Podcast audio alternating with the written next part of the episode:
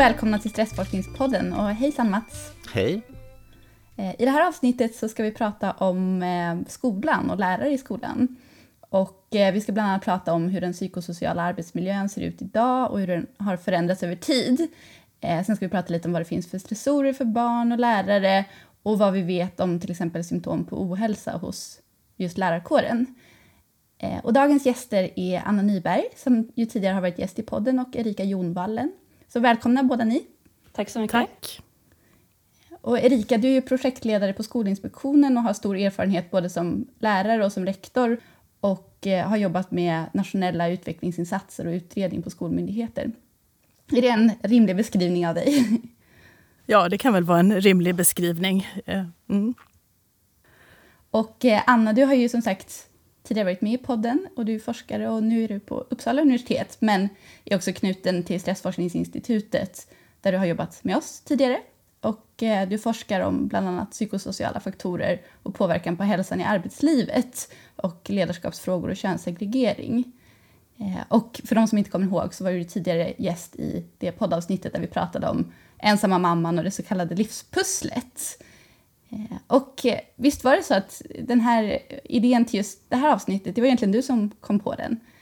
Eh, eller hur? Ja, men det stämmer nog. Jag tror att det var när jag var mitt inne i de här projekten som jag hade om psykosocial arbetsmiljö och hälsa och sjukfrånvaro i kontaktyrken och jag tror jag, det var säkert så där i lunchrummet eller någonting som vi kom in och sa lärare, vi måste prata mer om lärare, de har det så svårt, jag tycker inte vi pratar tillräckligt mycket om det och sådär. Så det var nog kanske jag. Det, det låter rimligt. det är så vi har tänkt på det i alla fall. Ja. Jättekul att ni vill vara med i podden. Och eh, innan vi ska prata om eh, den psykosociala arbetsmiljön i skolan och allt det här andra eh, så ska vi börja lyssna lite på Astrid Lindgren som läser ett stycke ur Pippi.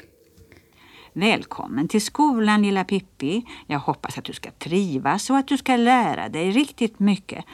Ja, och jag hoppas att jag får jullov, sa Pippi. Det är därför jag har kommit hit. Rättvisa framför allt. Om du först skulle tala om för mig ditt fullständiga namn, sa fröken, så ska jag skriva in dig i skolan. Jag heter Pippi Lotta, Victualia, Rullgardina, Krusmynta Efraimsdotter Långstrump, dotter till kapten Efraim Långstrump, fordom havens skräck, numera kung. Pippi är egentligen bara mitt smeknamn, för pappa tyckte att Pippilotta var för långt att säga. Jaså, sa fröken, ja, då ska vi väl kalla dig Pippi vi också. Men om vi nu skulle ta och pröva dina kunskaper lite, fortsatte hon, du är ju stora flickan och kan väl redan en hel del. Vi kan kanske börja med räkning. Nå, Pippi, kan du säga mig hur mycket sju och fem blir tillsammans? Pippi såg på henne förvånad och misslynt, så sa hon. Ja, vet du det inte själv så inte må du tro att jag tänker tala om det för dig. Alla barnen stirrade förfärade på Pippi och fröken förklarade för henne att på det viset fick man inte svara i skolan. Man skulle inte kalla fröken för du, utan man skulle kalla fröken för fröken. Förlåt så mycket, sa Pippi ångerfullt. Det visste jag inte. Jag ska inte göra så mer. Nej, det vill jag hoppas, sa fröken. Och så ska jag tala om för dig att sju och fem blir tolv.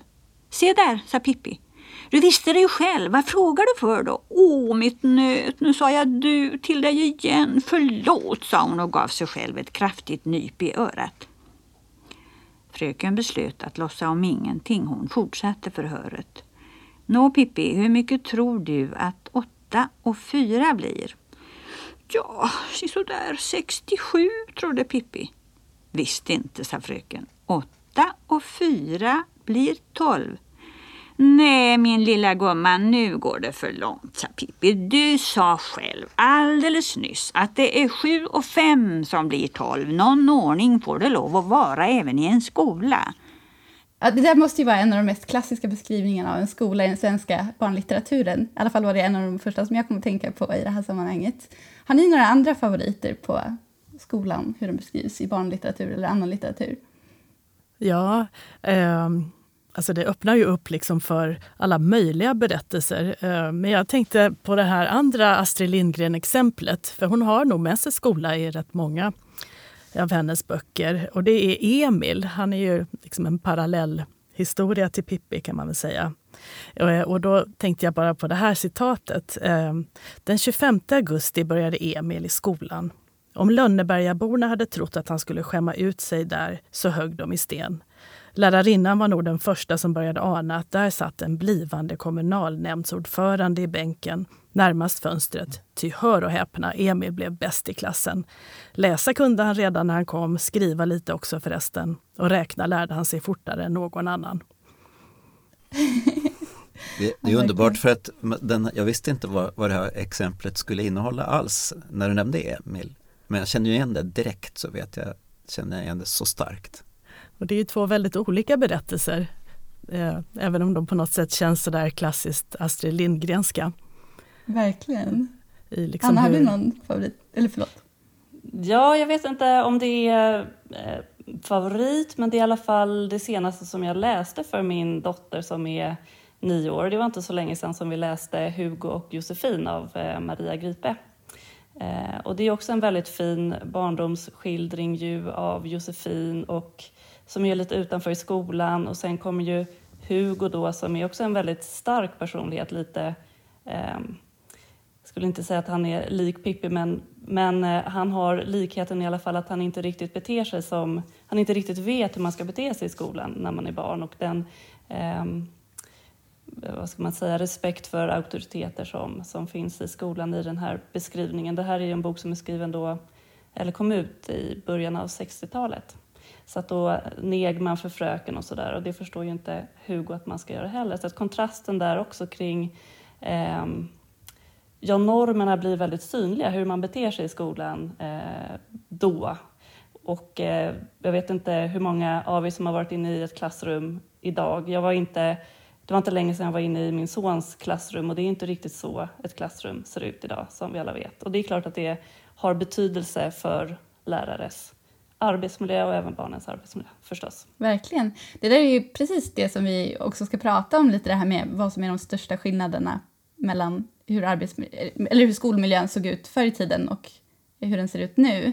Eh, jag håller med det du säger om att här, vi vet ju alla att det inte ser ut på det sättet som det gjorde då. Men, men vad är egentligen de största skillnaderna? Vi har ju inte data så långt tillbaka som 50-60-talet i eh, arbetsmiljöundersökningarna till exempel, utan det börjar ju i början av 90-talet, slutet av 80-talet.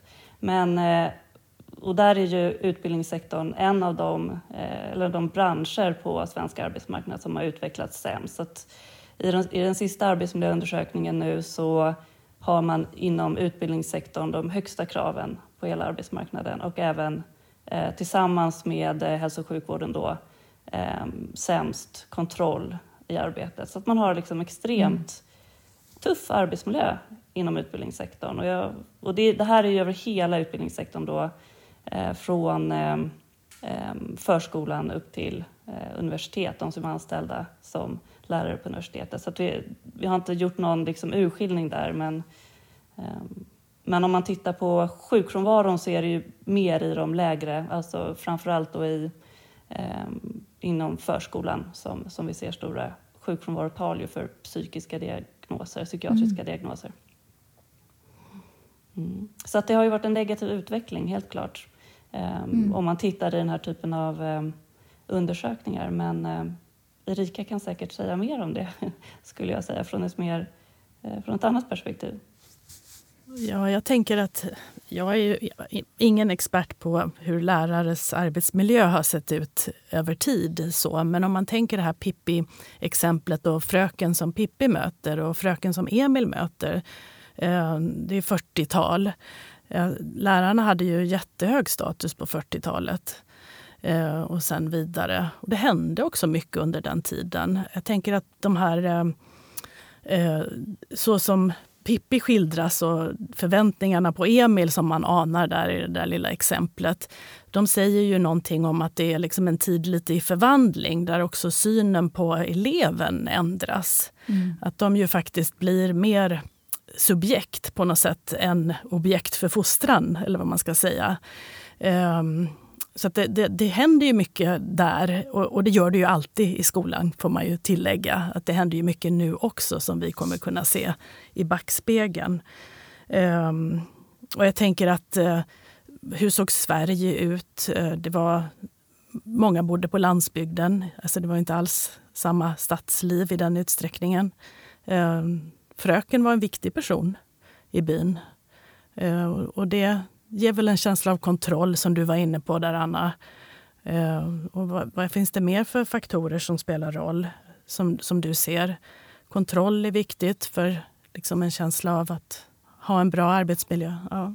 Absolut, och sen så är det ju eh, kraven som, som konsekvent har ökat. Sen kan man också säga att det här syns det tydligaste bland kvinnor. Så när man delar på um, tittar separat för män och kvinnor så ser vi att det, det är en tydligast uh, bland kvinnor. Men uh, det är det vi framförallt har tittat på uh, som vi ser en tydlig utveckling över tid sedan slutet av 80-talet, början på 90-talet. Och sen någonting, en annan faktor eller exponering som många lärare möter eller man möter i utbildningssektorn är ju hot och våld. Eh, mm. Och det tycker inte heller att man pratar så mycket om eh, generellt sett. Vi vet att, att inom, inom hälso och sjukvården så utsätts man för mycket hot och våld och den är också högre. Det är högre där än i, i utbildningssektorn. Men även i utbildningssektorn så så utsätts man för ganska mycket hot och våld. Ofta när man rapporterar hot och våld, det är ju fysiskt hot och våld, så då är det ju för det mesta så handlar det om, i alla fall inom, inom hälso och sjukvården, om eh, våld ifrån patienter. Så att det är inte inom organisationen utan, utan eh, det man undrar här, eller som jag undrar över då är vilka är det som utsätter lärarna för, den här, för hot och våld i så hög utsträckning eller inom utbildningssektorn? Då är det är det barnen, är det de man rapporterar kring eller är det, är det till och med föräldrar? Eller vilka är det som, liksom, som utgör den här exponeringen eh, för, för lärare? Det, det har inte jag kunnat liksom riktigt urskilja i, i den forskning som finns. Men vet man någonting om, för du nämnde innan det här med kraven, vet man där vem det är som utsätter dem för krav? Om det är barnen eller föräldrarna eller eh, det är ju inte, så våra, liksom, det är inte så våra frågor i, i eh, den typen av forskning som vi har är ställda, utan det handlar ju bara om att man skattar hur, eh, alltså hur mycket Tycker man att man har tillräckligt med tid för att utföra sina arbetsuppgifter eller hinner man ta paus och rast? Eller det kan vara frågor om ifall det finns eh, eh, konflikt mellan olika krav som ställs på en. Eh, sen förstås en viktig kravfråga för lärare är ju eh, de känslomässiga kraven så i kontaktyrken överlag, det gäller också då sjuksköterskor och läkare, psykologer och allting, så har man ju höga känslomässiga krav och det gäller med högsta sannolikhet också då även inom, inom skolan. Som, som, som ehm, ja, där skolan sticker ut eller där man sticker ut inom kontaktyrken med de höga känslomässiga kraven. Sen är det en annan form av kontroll som vi ser eh, i kontaktyrken och det är ju kontroll över arbetstider. Eh, mm. Att man har låg kontroll över arbetstider och det har ju blivit jättetydligt förstås, inte minst nu i pandemin, att vissa faktiskt måste komma till jobbet och vara där vissa tider och så och inte ha den flexibiliteten. Men det är också någonting som påverkar eh, sjukfrånvaro bland anställda i kontaktyrken. Vad är kontaktyrken egentligen? Ja precis, vad är kontaktyrken? Det måste man ju förstås definiera. Och den, eh, eh, jag kan säga att det är inte alla som är nöjda med den, eh, den definitionen heller. Eh, på engelska så pratar man om human service occupations. Eh, vi har eh, pratat om kontaktyrken, men alla som som arbetar i de här yrkena gillar inte det. Men vår definition som vi har haft i det här projektet är Eh, att det är ehm, personer som i eh, sitt eh, arbete har daglig kontakt med elever, sjuka, äldre eller personer som på något sätt är, har en utsatt position i samhället. Så det är liksom inom eh, välfärdssektorn helt enkelt. För sen så kan man också definiera kontaktyrken som att ja, men sitter du på eh, i, som, i kassan någonstans eh, så har du också kontakt med mycket människor. Men det är inte så vi har det är, inte, det är inte de som har ökad risk för ohälsa och sjukfrånvaro utan det är de inom välfärdssektorn.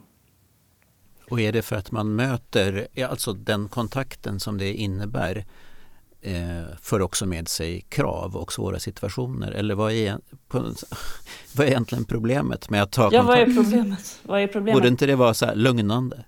Ja, ja, men precis. Eller stimulerande? Ja, men, Ja men precis, jag Vad- förstår. vad Nej, men alltså, jag tänker att eh, mycket handlar egentligen om, vi har ju pratat om skola, vård och omsorg länge inom arbetsmiljöforskningen förstås. Eh, så jag tänker att mycket handlar inte nödvändigtvis om kontakten med eh, andra utan det handlar om hur de här eh, eh, sektorerna eller branscherna är organiserade eh, och att vi har sett mycket nedskärningar och New Public Management kanske spelar roll här. Ehm, så att arbetet i, de här, eh, i många av de här yrkena ser ju väldigt annorlunda ut nu än vad de gjorde på, i början på 90-talet. Jag vet att det är, ni alla jobbar i kontaktyrken så ni kanske har, eh, ser det här på ett annat sätt. Jag tänker att ehm, om kraven ökar ehm, så, så blir det mindre tid för det som du var inne på Mats, lite mer vad ska man säga, positiv kontakt. Ja. Eller att kontakt som lugnande. Ja. Eller att det, kanske, att det kanske ligger något i att, eh, att när det smäller till eller när det blir eh, problematiskt så finns det liksom inte utrymme riktigt att eh, förebygga det eller utveckla en miljö som Mm. mer främjar liksom ett gott skolklimat. Ehm, men nu spekulerar jag lite för att det ehm, men utifrån det du säger så, så tänker jag lite åt det hållet. Och det finns ju lite undersökningar kring, men det är mer ur elevperspektiv, att, eh, att det ökar eh, elevers upplevelse av utsatthet och att de blir utsatta för olika typer av brott. Och att skolmiljön är en sån miljö där de är, är utsatta. Ehm, det är liksom den andra sidan av det myntet också, tänker jag. Är de utsatta för eh, brott och är de utsatta för våld? Är det, är det lika vanligt förekommande som det var förr? Och nu tänker jag rent anekdotiskt ur, från de skolor jag gick i där det ändå var ett standardinslag i skolmiljön med våld. Det är en bra fråga och jag tror att när vi just pratar om det så eh, alla de här studierna och så på något sätt förhåller sig ju till en begränsad tid. Ja. Och det handlar ju också om hur frågorna är ställda och hur man uppfattar dem och så vidare. Att var går gränsen för vad man tycker är okej och inte. Ja. Och det kan säkert också variera. Ehm, men eh, ja, alltså i i den här undersökningen som jag tänker på så handlade det väl om stöld, misshandel och hot om våld om jag minns rätt. Ehm, ja. Och det är ju såklart också, som alltid när vi pratar skola, vad pratar vi om för skola? Att det, är det de mindre barnen eller de äldre barnen? Och såklart så skiljer det sig åt. Men, men eh, jag har både sett studier och pratat med rektorer som säger att det går ner i åldrarna. Eh, Alltså att den här lite mer miljön som är med hot och våld. Att, att det är yngre elever som vittnar om det. Och det är ju väldigt sorgligt. Tyckte du att själva kontakten med eh, föräldrar eller barn, var det slitsamt, ett slitsamt inslag? Jag har ju jobbat med äldre elever Mm. så att jag har inte, och också på eh, skolor som eh, där kanske inte föräldrarna överlag har haft jättehöga förväntningar om att ha mycket kontakt med skolan om man säger så. Eh, så att kraven från föräldrarna har inte varit stora på det sättet. Eh, så jag har, har inte den upplevelsen men det är ju några år sedan jag jobbade i skola också och jag hör ju hur det kan se ut på andra skolor och om rektorer som till exempel mer strategiskt sätter in att de skyddar lärarna från föräldrakontakten och tar över den för att den blir problematisk och så vidare. Det finns ju många sådana berättelser Mm. om sätt att hantera det. Jag brukar tänka att, att lärare måste ha varit ett bra yrke innan internet kom. Jag- tänker som förälder när jag har följt såna här mejlstormar som lärarna utsatts Mm. för när föräldrarna svarar, så här, svarar alla, knappen trycker de på så uttrycks det åsikter. Jag tycker det måste vara fruktansvärt pressande med den där tillgängligheten. Ja, jag är nog benägen att hålla med. Ehm, Jag tänker bara en annan aspekt av det här med våld. Att så här, vi pratar om att det ökar, men man får inte heller glömma bort att på typ Pippis tid så var det faktiskt tillåtet att eh, liksom, använda sig av våld som utbildningsmetod mot barnen. Så det är också så det, är en, det är en annan typ av våld, men, men det är också, om man nu ska se på våld i skolan så, så kanske man inte ska bortse helt från det perspektivet. Nej, verkligen. Det är väl det där dubbla hela tiden, att mycket blir bättre och generellt så barn trivs i skolan. Eh, alltså, det, det, De flesta trivs ju bra. Eh, men sen är det ändå allt för många som ja, blir utsatta för olika saker och trivs mindre bra och så vidare. Så det är den där balansen, att inte ramla i diket att det är bra allting och inte heller att allt är problematiskt. Jag tyckte att det var på ett sätt lite, eh, ibland nästan provocerande när jag själv jobbade i skolan och ofta fick frågan så här, är det bråkigt? Är du rädd i korridorerna? Mm. Och, och, det, personligen var jag aldrig det och upplevde inte alls skolan som någon speciellt bråkig plats. Um, så det, jag tror också att många lärare har den bilden, att det mm. faktiskt inte alls är så. Nej.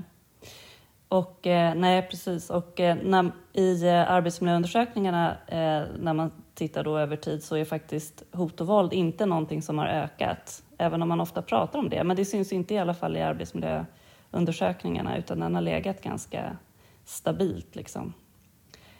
Men det, det som vi har på uppdrag av Forte gjort en kunskapsöversikt om hot och våld. Eh, olika former av våld, både då fysiskt eh, och psykologiskt våld, även sexuellt våld eller sexuella trakasserier och så inom skola, vård och omsorg. Eh, och då var det så väldigt tydligt att eh, det fanns en stor medvetenhet kring det här inom hälso och sjukvården har funnits länge, alltså inom eh, psykiatrin och akutsjukvården och geriatriken så, så utsätts man för en del våld. Liksom. Ehm, men att det fanns väldigt, väldigt lite just om det våld som eh, begås mot anställda i skolan. Det fanns otroligt mycket litteratur, vi gick igenom jättemycket litteratur, flera tusen artiklar, eh, där ganska mycket handlade om just mobbing eller våld eh, mellan elever i skolan. Och där blir ju lärarens roll då att vara informant och beskriva hur det, hur, det ser hur det går till eller vad som händer. Men också förstås att vara den som då ser till eh, att det inte uppstår våld eller går emellan så att det inte blir några skador och så vidare. Men eh, det var en studie som vi hittade, en, en enda studie. Nu tittade vi på studier av lite bättre kvalitet som har liksom, uppföljningar, så man följer personer över tid. Eh, men det var en finsk studie som visade att eh, lärare som ehm, upplever hot och våld i skolan får mer sömnbesvär eh, över tid än de som inte gör det. Ehm, mm. Medan man i hälso och sjukvården så tror jag vi hittade då 27 studier eller någonting där vi tittade på olika, olika psykiatriska utfall och sjukfrånvaro och sådär. Så att det är en väldigt eh, ostuderad fråga, i, åtminstone Alltså i den här mer epidemiologiskt orienterade arbetsmiljöforskningen där, där jag rör mig. Liksom. Så det är alltså hög tid att, att prata om skolan på ett kanske lite mer eh, inte så kategoriskt sätt och att få fram mer forskning? Ja, alltså om man ser på, jag vet inte, vet vi det generellt att faktiskt en om vi ska lita på de data som finns i arbetsmiljöundersökningarna, självklart så är det så, det är självrapporterade data och vi har sett en, en svarsfrekvens som har gått ner över tid och sådär. Eh, men eh, om vi tror på de data så ser vi att den liksom, tuffaste platsen vad gäller krav och kontroll att jobba på idag i svenskt arbetsliv är inom utbildningssektorn, inom skolan. Det är det mm. liksom, data säger. Och det du beskriver om eh, höga krav och låg kontroll det brukar man ju se som det är ett slags index på en belastande arbetsmiljö eller hur? Och som kan avspeglas i hälsoutfall och sjukskrivningsstatistik. Och du nämnde förut eh, mentala, alltså psykisk ohälsa men finns det också en koppling till ökad somatisk ohälsa i lärargruppen?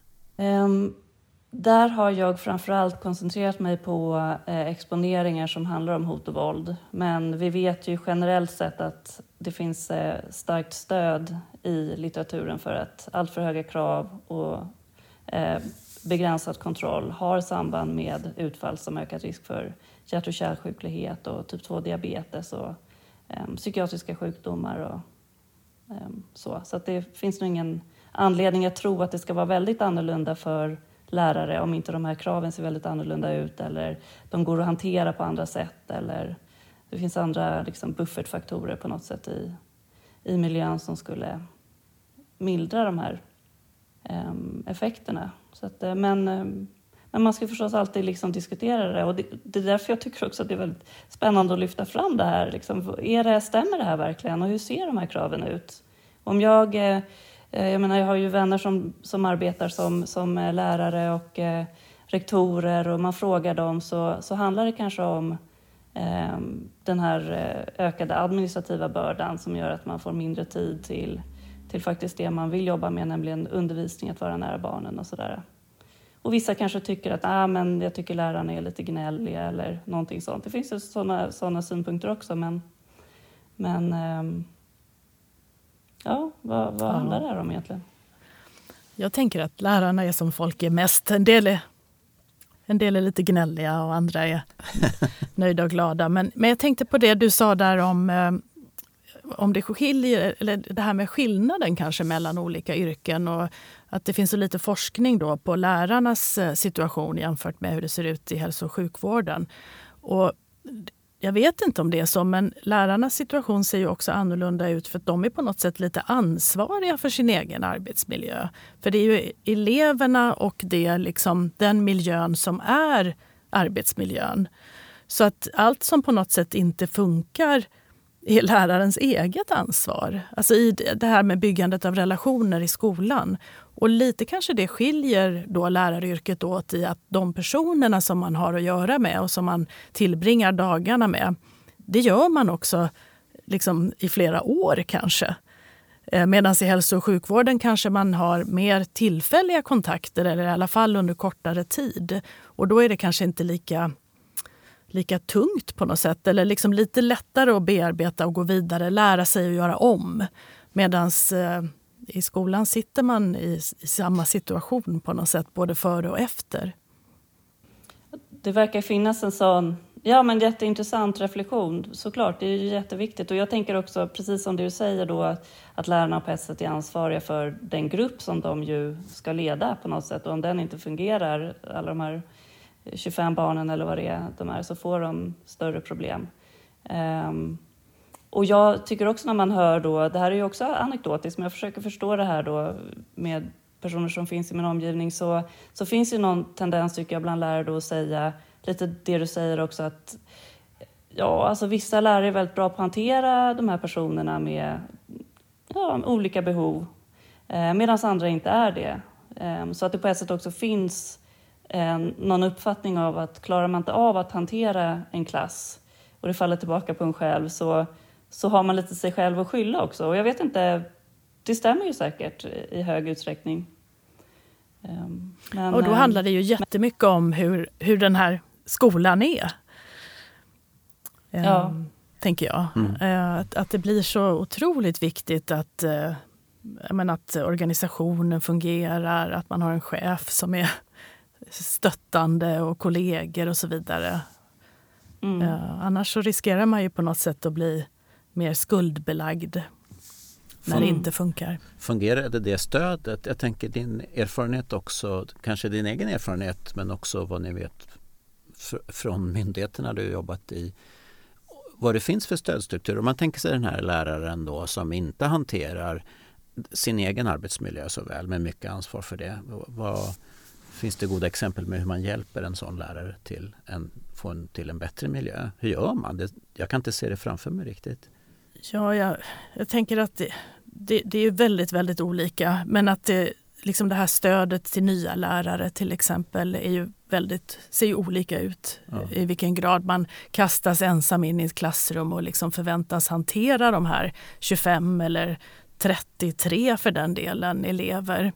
Mm. Ehm, och det är ju självklart så att, att erfarenhet är, är en hjälp eh, och, och kollegor och så. Och sen också tänker jag hur mycket man jobbar tillsammans, hur mycket det är våra elever som vi jobbar med eller hur mycket det här är bara min klass som jag har och hanterar. Den där variationen hur det ser ut är ju väldigt stor.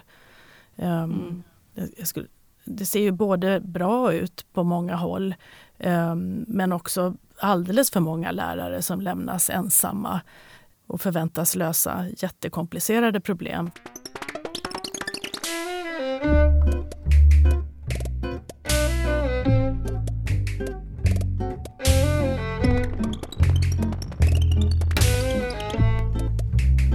Sandra, jag är nyfiken på om du hade något favoritexempel från litteraturen med skolskildringar.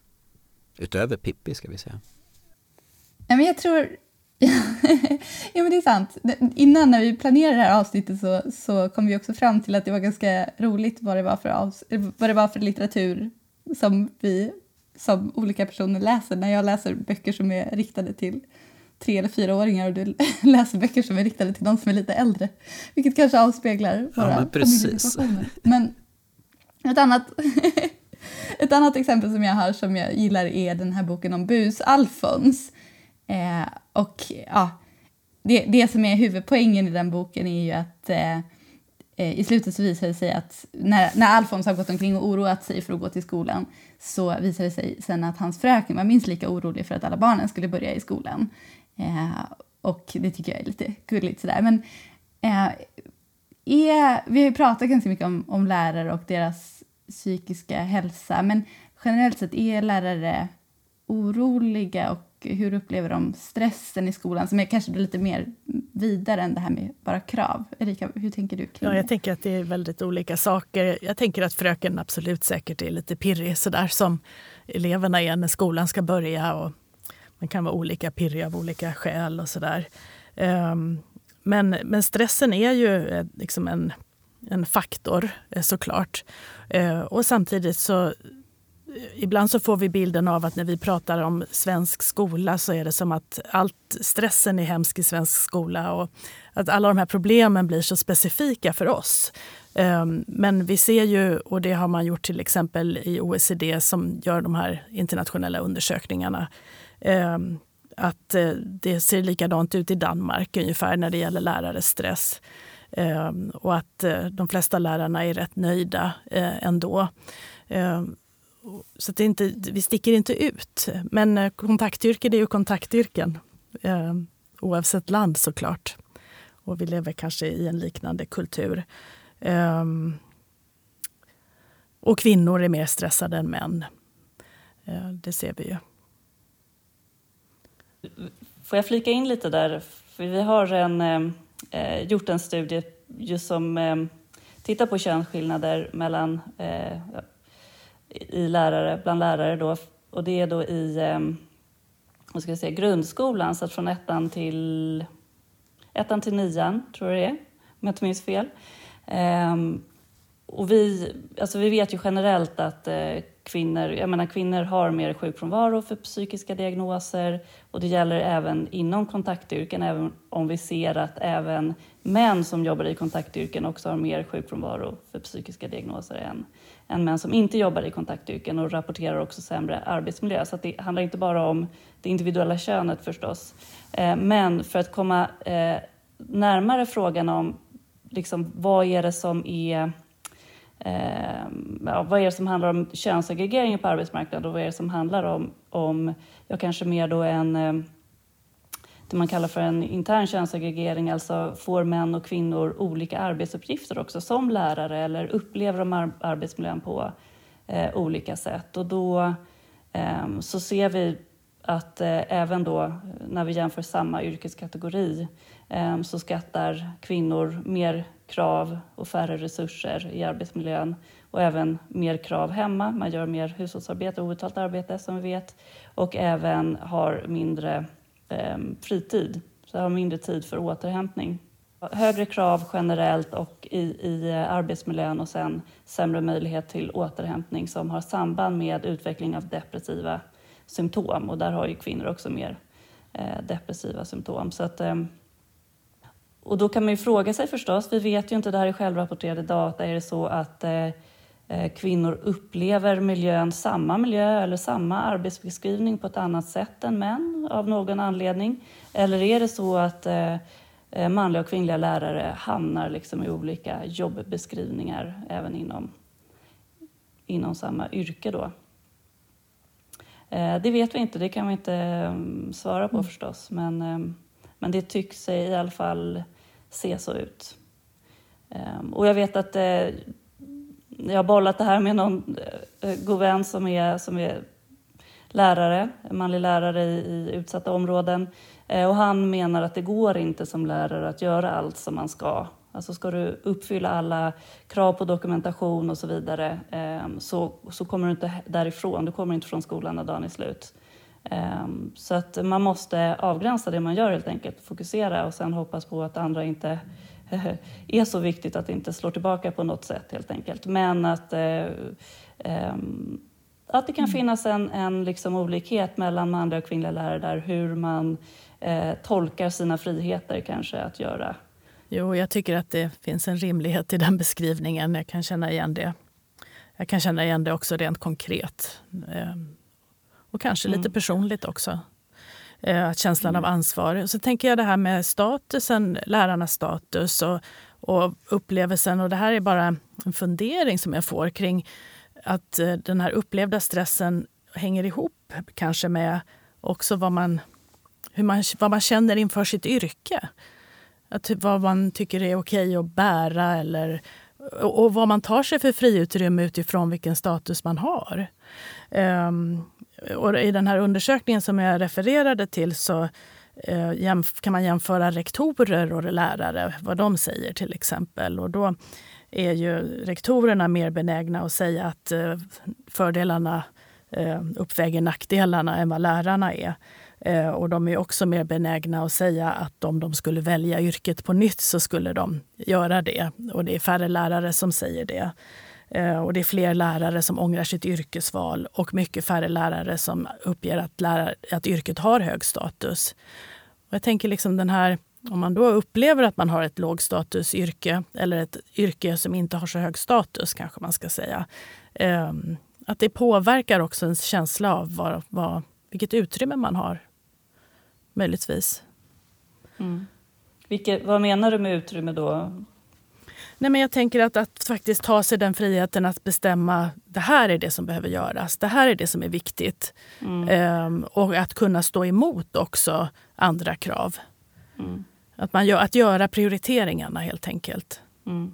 Som måste göras. Mm. Och menar inte du också att eh, skattningar av stress och den här typen av subjektiva besvär färgas då av om man känner att man är på rätt plats eller inte? Ja, det vet ju inte jag. Jag bara tänker att det, det skulle kanske kunna vara så. Eller vad tror du, Anna? Mm. Absolut. Vi har ju en annan eh, eh, dimension i arbetsmiljöforskningen som jag inte varit inne på nu och det är den här att man vill ha en balans mellan eh, ansträngningar och belöningar. Och har man en sån balans så mår man bättre och har man en obalans och man känner att man anstränger sig mer än vad man får belöningar för så blir man mer stressad där alla de här arbetsmiljömodellerna är ju liksom stressmodeller.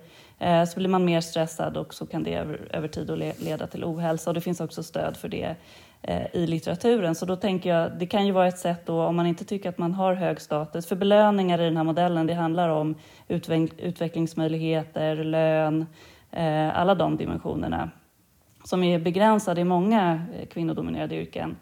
Ehm, och då kan ju ett sätt liksom att justera den balansen vara att jag gör ungefär så mycket som jag känner att jag får belöningar för.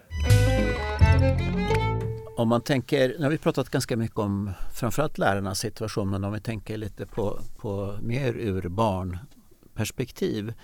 Eh, och tror ni att Arbetsmiljöverket skulle godkänna en arbetsmiljö för vuxna som ser ut som skolan för barnen? Ja, då är vi där igen med vad är det för skola vi pratar om. Uh, jag tycker det är svårt att, att, säga skolan i det här fallet. Skolorna? Skolorna. En del skolor skulle nog inte godkännas och andra skolor skulle man tycka att det ser fint ut. Så det är inte, du skulle inte säga att det är ett riktigt generellt problem då utan att det är undantag kanske? Eller? Ja, alltså, jag vet inte. Det beror på vad vi pratar om som problem, ja. tror jag. Eh, och eh, jag tror också att det absolut finns en tendens, eller jag skulle nog säga att, eh, att vi vet att det finns en tendens att, eh, att man liksom sakta vänjer sig vid saker och ting. Mm. Och att det blir lite som att det, skolmiljön är lite speciell. Eller, och det, det ser man ju när vi, just när det gäller kränkningar och trakasserier till exempel, att den här typen av skojbråk och så kan börja liksom bli normala när de egentligen behöver eh, ja, stoppas helt enkelt. Eh, för att det leder till värre saker och att det inte är så skoj. Helt. Eh, så att, eh, där behöver man ju vara på tårna. Men många skolor jobbar ju rätt hårt med det. Och sen å andra sidan så ser vi att, att eh, man inte jobbar tillräckligt med, med just kränkningar och trakasserier. Så, så att, eh, det finns verkligen både och. Jag tänker på det här att de ju sitter i ett öppet kontorslandskap på ett sätt hela dagen. Eller hur? Man sitter och jobbar eh, bredvid varandra hela tiden eh, med en massa olika mm. personligheter. Och, och, jag tänker på det vi liksom pratade om i början här, att, att, eh, ja, att Sverige såg annorlunda ut för, på 30, 40-talet, 50-talet än vad det gör idag. idag och att eh, precis de här barnboksskildringarna var, är liksom en eh, eh kanske skildring av just synen på barnet eh, i förvandling på något sätt och att man ser ehm, jag tycker när jag går in i mina barns klassrum så ser jag lärare som är, gör ett fantastiskt bra jobb med att vilja lyssna på alla barnen. Ehm, och alla barnen, i alla fall de klassrum som jag har varit inne i, har väldigt mycket som de vill ta upp och säga eh, i mm. det här klassrummet. Ehm, och då tänker jag att det ställer enorma krav på en lärare att eh, Ja, alltså att vara i ett sånt möte, om man jämför med hur vi sitter i möten, att vara i ett möte med 25-30 vuxna som liksom ska, måste säga vad de tycker hela tiden och har väldigt svårt att vänta på sin tur och räcka upp handen och så vidare, så, så är ju det ganska känslomässigt dränerande, skulle jag i alla fall tycka, att, att vara i den miljön eh, dag ut och dag in. Sen så är det kanske inte förstås alltid så, men eh, och lärare har väl inte liksom lektioner hela tiden utan man går undan och får pauser och man är ute på rast kanske och sådär. Men, Ehm, men det, det, jag vet inte vad du tänker där, men det här är ju någonting förstås som diskuteras säkert i skolans värld och hur, ehm, hur, hur blir det här för lärarna? Jag, jag tänker att, eh, att om man skulle titta på vår tid i backspegeln så kanske det sker någon sorts omvälvning här. Att, jag menar, så som klassrummet såg ut för Pippi och så som klassrummet såg ut för Emil. Eh, det ser ju nästan likadant ut egentligen. Alltså det är fortfarande ett rum, en ganska stor grupp ja, barn ja. och en fröken. Alltså på något sätt. Och sen har ändå villkoren för relationen de har, den har helt ändrats. Men själva ramen är ju mm. väldigt lik. Eh, man ser ju lite sådär försök till att eh, ja, hitta andra former och, och, så vidare just för att både möta det som du är inne på, det här med elevernas enorma behov av att vilja prata om saker och ting och höras, och, och, och vilket ju är också en väldigt positiv sak. Eh, och sen att den här arbetsmiljösidan av det hela, eller eh, för både lärare och elever såklart, att det finns enorma utmaningar i det här jag, jag, jag, mer personligt så tror jag att det kommer hända saker. Att vi, och den här liksom digitaliseringserfarenheten som många nu får eh, kanske kan bidra till det på, på något sätt också faktiskt. Eh, om det ska komma något gott ur det. Vet vi vad som är riskfaktorer för barn för att fara illa i skolmiljön eller ha en negativ hälsoutveckling. Jag, alltså, jag tänker i termer av, av kön eller ekonomisk bakgrund i familjen eller personlighet kanske eller så. Har vi kunskap kring det? Ett stort område. Mm. Um, men det är väl klart så att det finns elever som är alltså på ett sätt särskilt sårbara i den här skolmiljön och i olika situationer. Och det ser man ju inte minst nu under pandemin eh, också. Eh, att många skolor jobbar hårt för att också fortsatt möta dem även om man går över till distansundervisning och så vidare. Så att, visst är det så. Um, och det kan ju handla om elever, nyanlända elever som behöver mer skolstöd och där skolan är viktig av massa skäl. Mm. Um, och, och, och, så är det ju. Skolan är ju en plats som är oerhört viktig för jättemånga elever. Um, det är många som har uttryckt en längtan tillbaka under distansundervisningen. Mm. Um, så visst är det det. Absolut. Mobbning är väl någonting som lyfts fram som som vi vet har väldigt negativa konsekvenser. Så det är ju helt i sin rätt att man studerar det väldigt mycket. Men hur är det också det här med utbildningsnivå hos föräldrarna? Vi vet ju att utbildningsnivå hos föräldrarna är otroligt viktigt för hur man ska lyckas själv i termer av utbildning. Vet man någonting om vad det har för betydelse för hälsan i skolan? För det behöver inte nödvändigtvis Nej, Jag tänker att det inte alls behöver ha samma sak. Och där har vi ju sett stora förändringar i, i, i svensk skola. Då. Eh, att eh, utbildningsnivån har så mycket högre betydelse. Det hade det faktiskt inte på samma sätt. Sverige var ju ska man säga, bäst i klassen faktiskt på att eh, lyckas med det här som kallas för det kompensatoriska uppdraget. Att kompensera föräldrarnas bakgrund. Ehm, men ja, det är ju mer än tio år sedan då som man började se en ganska ordentlig förändring. Och nu är vi ju, ja, det har ju faktiskt ökat kanske mest då av, i jämförelse med andra länder. Och det mm. är väldigt sorgligt um, för de här eleverna. Så det är ju inte så att skolan per se är liksom en riskplats för de här eleverna. Men eh, så som det ser ut så är det det mer. Mer än vad det har varit förut? Mer än vad det har varit förut, Vet ja. man vad det är som har ändrat sig? Ja, det finns ju många anledningar till det där som lyfts fram. Ehm, alltså det är stora reformer och stora förändringar. Eh, både på skolområdet, men det är ju också stora samhällsförändringar.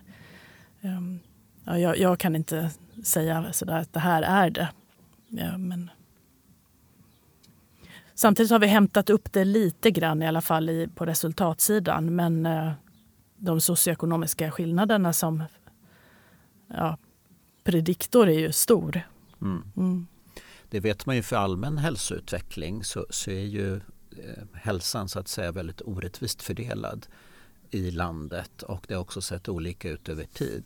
Där, där då mer utsatta grupper då har haft en, en sämre utveckling. Och eh, den har ju, om man tittar på hela den svenska populationen så har ju många hälsoindikatorer förbättrats under en rätt så många år tillbaka stadvis. Men då har ju då till exempel unga kvinnor halkat efter i ett antal mått, både eh, ja, kanske framförallt subjektiva men jag tror också objektiva.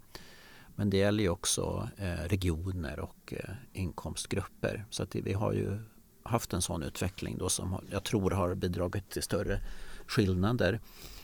Eh, och då en, eh, om jag uppfattar det rätt, så kan, eh, kan skolmiljön och utbildning vara en väg då för elever då och lite som du är inne på Erika var att, att faktiskt skolan kan kompensera för en del orättvisor i bakgrunden. Mm.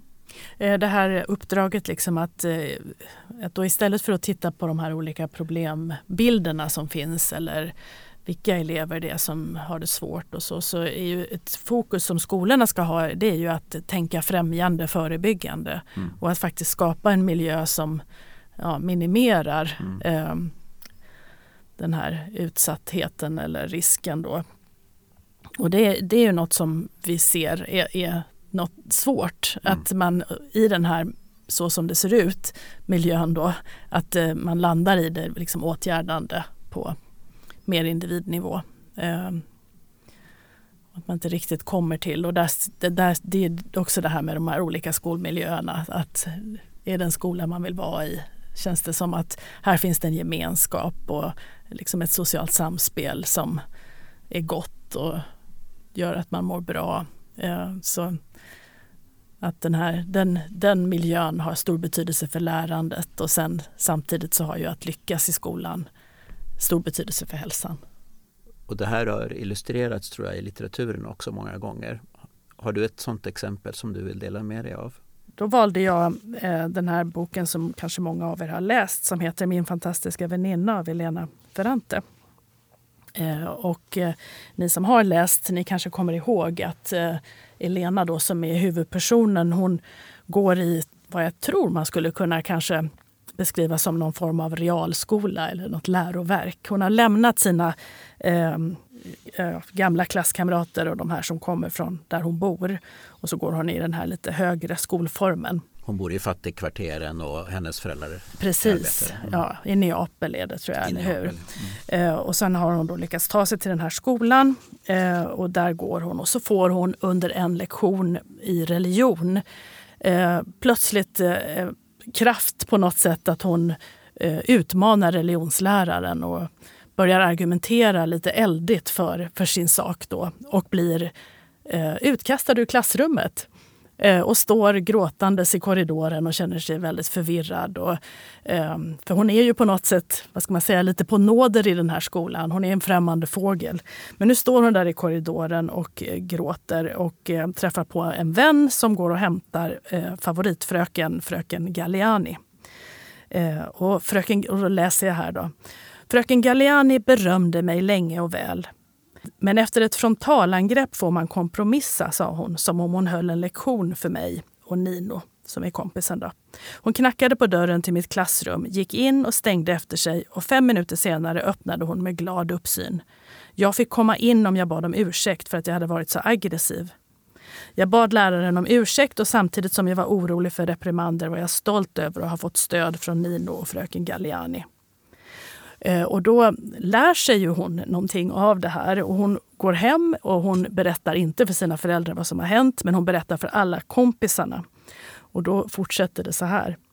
Så kom det sig att jag från ena stunden till den andra fick hjältestatus både bland mina barndomsvänner och inom den ytterst begränsade men mycket stridslystna gruppen med lärare och studenter som kämpade mot religionslärarens straffpredikningar.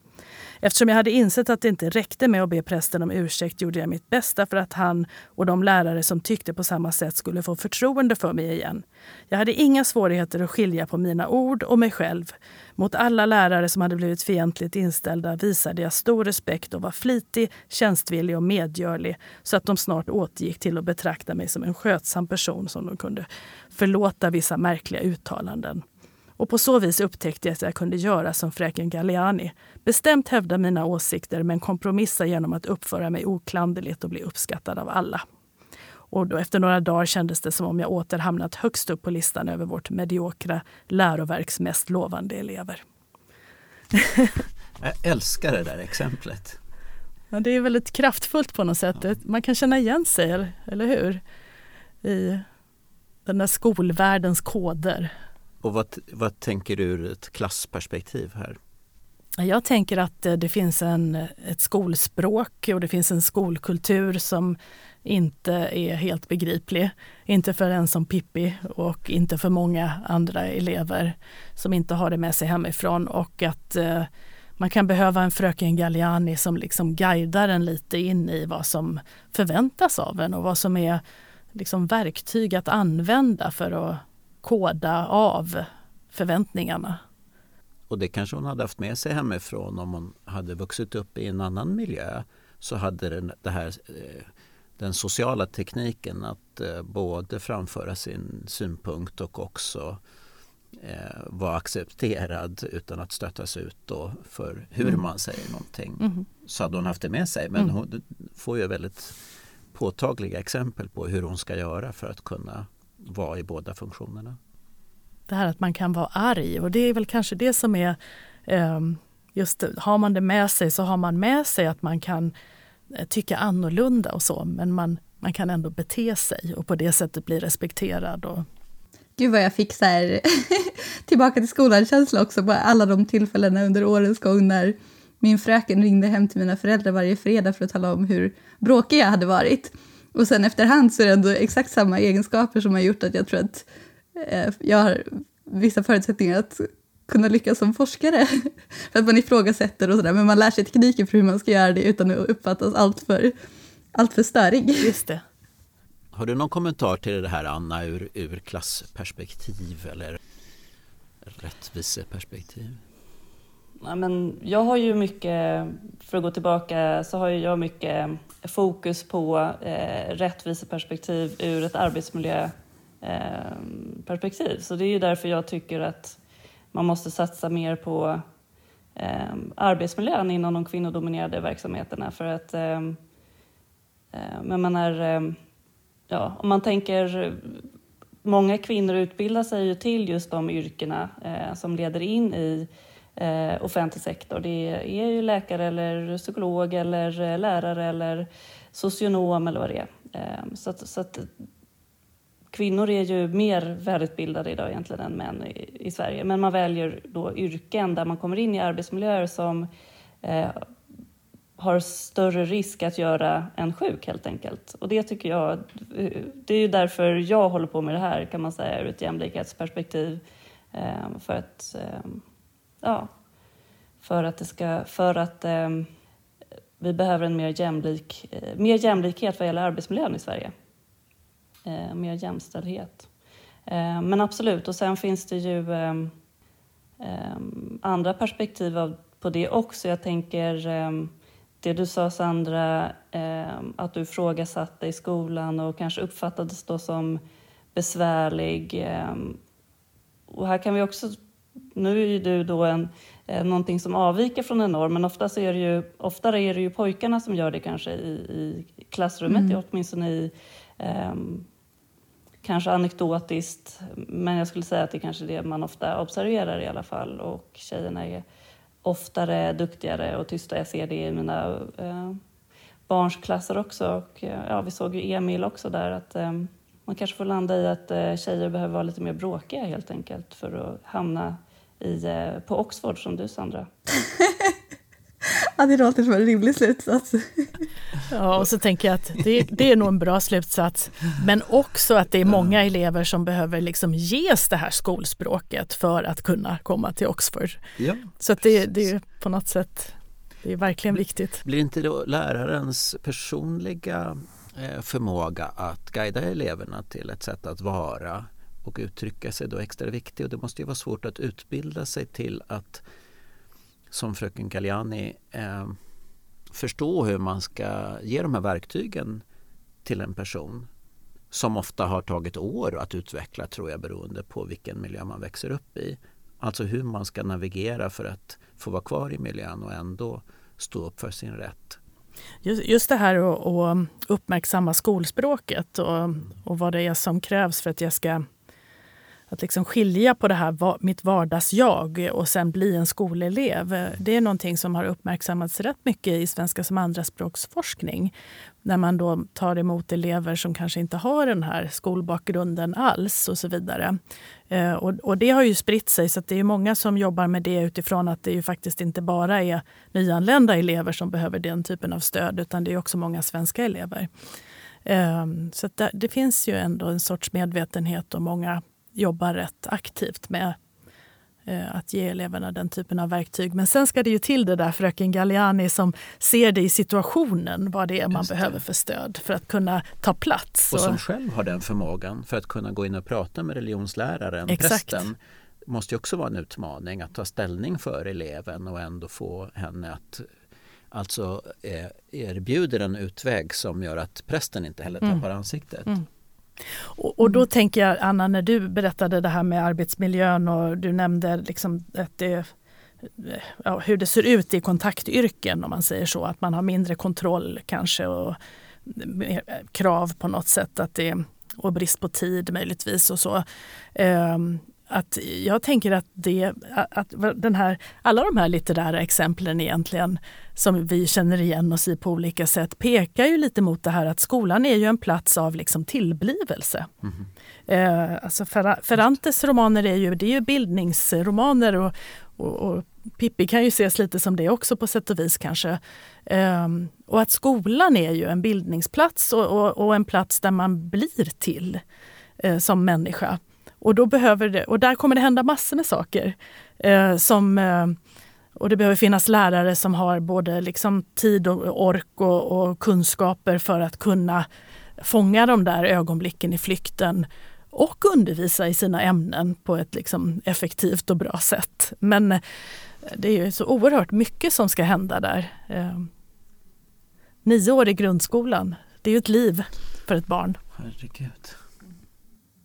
Mm. Men är det inte det som många, tänker jag, anställda i kontaktyrken just efterfrågar, att man ska få mer av den tiden just för att det är det som är så tillfredsställande och kanske därför man har valt sitt yrke, att just få hjälpa till att utveckla andra människor eller vårda och sådär. Men att det är mycket av det här administrativa som, som kanske kommer in och tar, tar av den tiden som gör att det, det här meningsfulla inte får eh, riktigt lika mycket plats. Just det, I förskolan där jag jobbade så var det vanligt att man sa så här att det här är världens bästa jobb om det inte var för föräldrarna. Om barnen kom in genom en brevlåda så skulle det vara liksom perfekt. Ja, lönen då kanske också. Men... Vi har ju redan pratat nu om att vi spelar in det här medan det är en pandemi och eh, skolan har ju sett väldigt annorlunda ut under det här året, både i Sverige och i världen. Och eh, här från mitt perspektiv så i England har ju skolan varit stängd under väldigt stora delar av året och man märker vad det har för konsekvenser, eh, inte minst som förälder som får ha sina barn hemma och så. Men vad, vad vet vi egentligen om eh, eh, vad barn och lärare tycker om den här distansundervisningen? Jag sitter just nu på uppdrag av Myndigheten för arbetsmiljökunskap och utvärderar hur arbetsmiljön har påverkats av eh, pandemin. Ehm, vi slutade våra sökningar tror jag i oktober och det har kommit ut otroligt mycket litteratur, mycket mer än vad man någonsin hade kunnat tro. Men återigen så är det mycket då, och det kanske inte är så konstigt eh, just nu, eh, att det är mycket som handlar om hälso och sjukvården. Men lite grann kommer också in på eh, lärarnas situation. Ehm, och jag kan inte det här liksom allt utan till nu, men det som, det som jag minns så här lite är ändå fokus på ehm, eller som är kanske en självklarhet, men det är klart att det blir svårare för lärare att ställa om ifall man inte riktigt är förberedd med tekniska kunskaper. Så för de som har mer, har mer tekniska kunskaper så har det liksom gått lättare helt enkelt och kanske varit mindre stressande. Det är väl det jag kan egentligen eh, ge med ifrån eh, ifrån forskningshåll. Eh, jag kan väl också bara nämna att vi hade ett utbrott i, av covid i, i mina barns skola och ehm, min eh, son då, som är 11 nu hade distansundervisning en vecka. Och han brukar älska att sitta framför datorn annars och är väldigt sådär teknisk och så. Men han tyckte inte att det alls var kul. Han verkligen längtade tillbaka till skolan och ville tillbaka mm. till eh, klassrummet och kompisarna och sådär. Så, att, ehm, så det finns säkert mycket i det som Folkhälsomyndigheten hela tiden har fört fram också, att det är jätteviktigt att barnen går till skolan, att det är just det här ehm, mm. en miljö som, eh, som är kanske särskilt viktig för, för barn som har det tuffare hemma.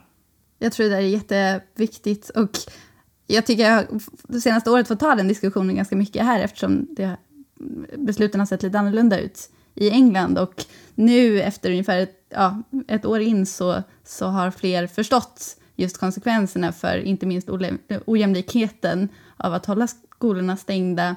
Och bara en sån sak som eh, ja, men barnens tillgång till regelbunden mat och sådana aspekter som man inte ens kanske tänker på.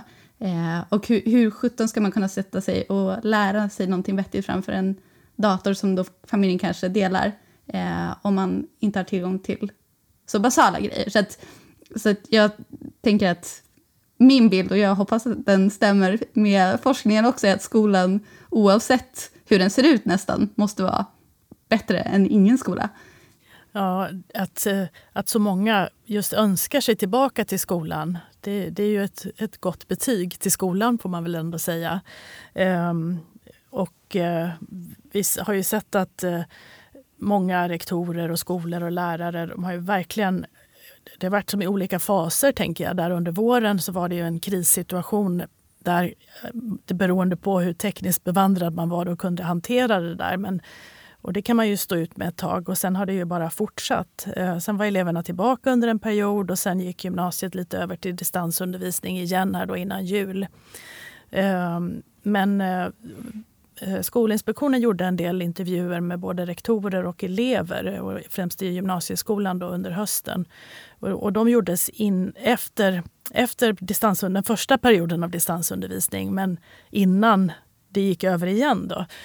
Um, och, och, eleverna vittnade ju om mer eh, känslor av ensamhet, uh, att ju längre tiden gick, ju bristande motivation och så vidare. Um, så att, uh, det har ju också fått liksom, konkreta effekter på på många elever. Och en hel del oro kring vad som ska hända med sånt man upplever att man har missat. Eller hur, hur ska det gå med betygen? Och eh, olika praktiska moment i gymnasieskolan på yrkesprogrammen till exempel. Hur ska man få till det? Och där har ju skolorna på olika sätt försökt möta upp det och sen kompensera nu under hösten.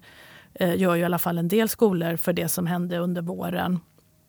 Eh, och där så ser vi till exempel att de eleverna verkar nöjdare och mindre oroliga när de har liksom mycket direktkontakt med lärare och personal från elevhälsan till exempel. Att de får, att de får veta vad som händer och att eh, man känner att man är omhändertagen lite grann i det här. Eh, och mindre nöjda då, eller mer oroliga när det kommer mer av typer av allmän information. Ehm, eh, men vi lär ju lära oss mycket mer av det här såklart. Det har kommit eh, en, en undersökning, inte publicerad ännu men eh, utlagd som ett så här preprint heter det eh, för hur utveckling av stressnivåer, bedömda stressnivåer, depression och så har sett ut i några universitet och i, i Stockholmsområdet. Och där ser man ingen särskild förändring faktiskt över tid. Eh, stressnivån har minskat lite grann. Eh, och om man tittar på antalet antingen nybesök eller eh, besök i psykiatrin då, alltså inte en del av den här högskolestudien utan andra data från första vågen så har det inte heller varit någon stor förändring och inte heller på, på suicid. Så jag tycker man möts lite av, vi vet ju fortfarande inte riktigt hur det ser ut, men man möts lite av olika bilder för man möts av mycket oro och också rapporter från eh, även eh, studenthälsan. Eh, Medan när man tittar på de här grova måtten, när man har de här medelvärdena, alltså den forskning jag tagit del av tyder inte på någon stor förändring i de här måtten. Sen finns det undantag och sen så är det säkert då som du har varit inne på rika då individer då som kommer som far väldigt illa. Ja men precis, när man tittar på medelvärden att det, att det döljer mycket skillnader också. Att vissa kan ha fått det väldigt mycket bättre medan andra har fått det mycket sämre. Så att eh, vissa har säkert blivit mer utsatta kan man tänka sig medan andra faktiskt har fått det bättre. Det känner man ju igen sig i också bland kollegor och andra att en del trivs jättebra och tycker det är toppen. Verkligen. och andra tycker det är svårare mm. och mer besvärligt. Och det är klart att det påverkar lärares arbetsmiljö väldigt mycket om det finns en risk för att bli sjuk i skolan också. Så det är inte en enkel... Det är, det är klart det inte är enkla avvägningar att göra. Nej, det är ju två sidor av det. Det är ju både själva smittrisken och sjukdomen i sig och sen arbetssituationen och vad som krävs där. Ehm, det, det är liksom två problem. Bra. Eh, jag tror att vi börjar närma oss slutet av det här avsnittet. Och eh, ja, framförallt så vill vi såklart tacka er, Erika och Anna, för att ni ville vara med och prata om det här. Eh, jag har lärt mig jättemycket. Jag tror att du har gjort det också, Mats. Ja, men verkligen. Och underbara litterära exempel. verkligen så. Eh, bra, men vi säger tack till er för att ni var med och eh, så hörs vi snart igen. Tack för att vi fick komma hit. Tack så jättemycket. Tack.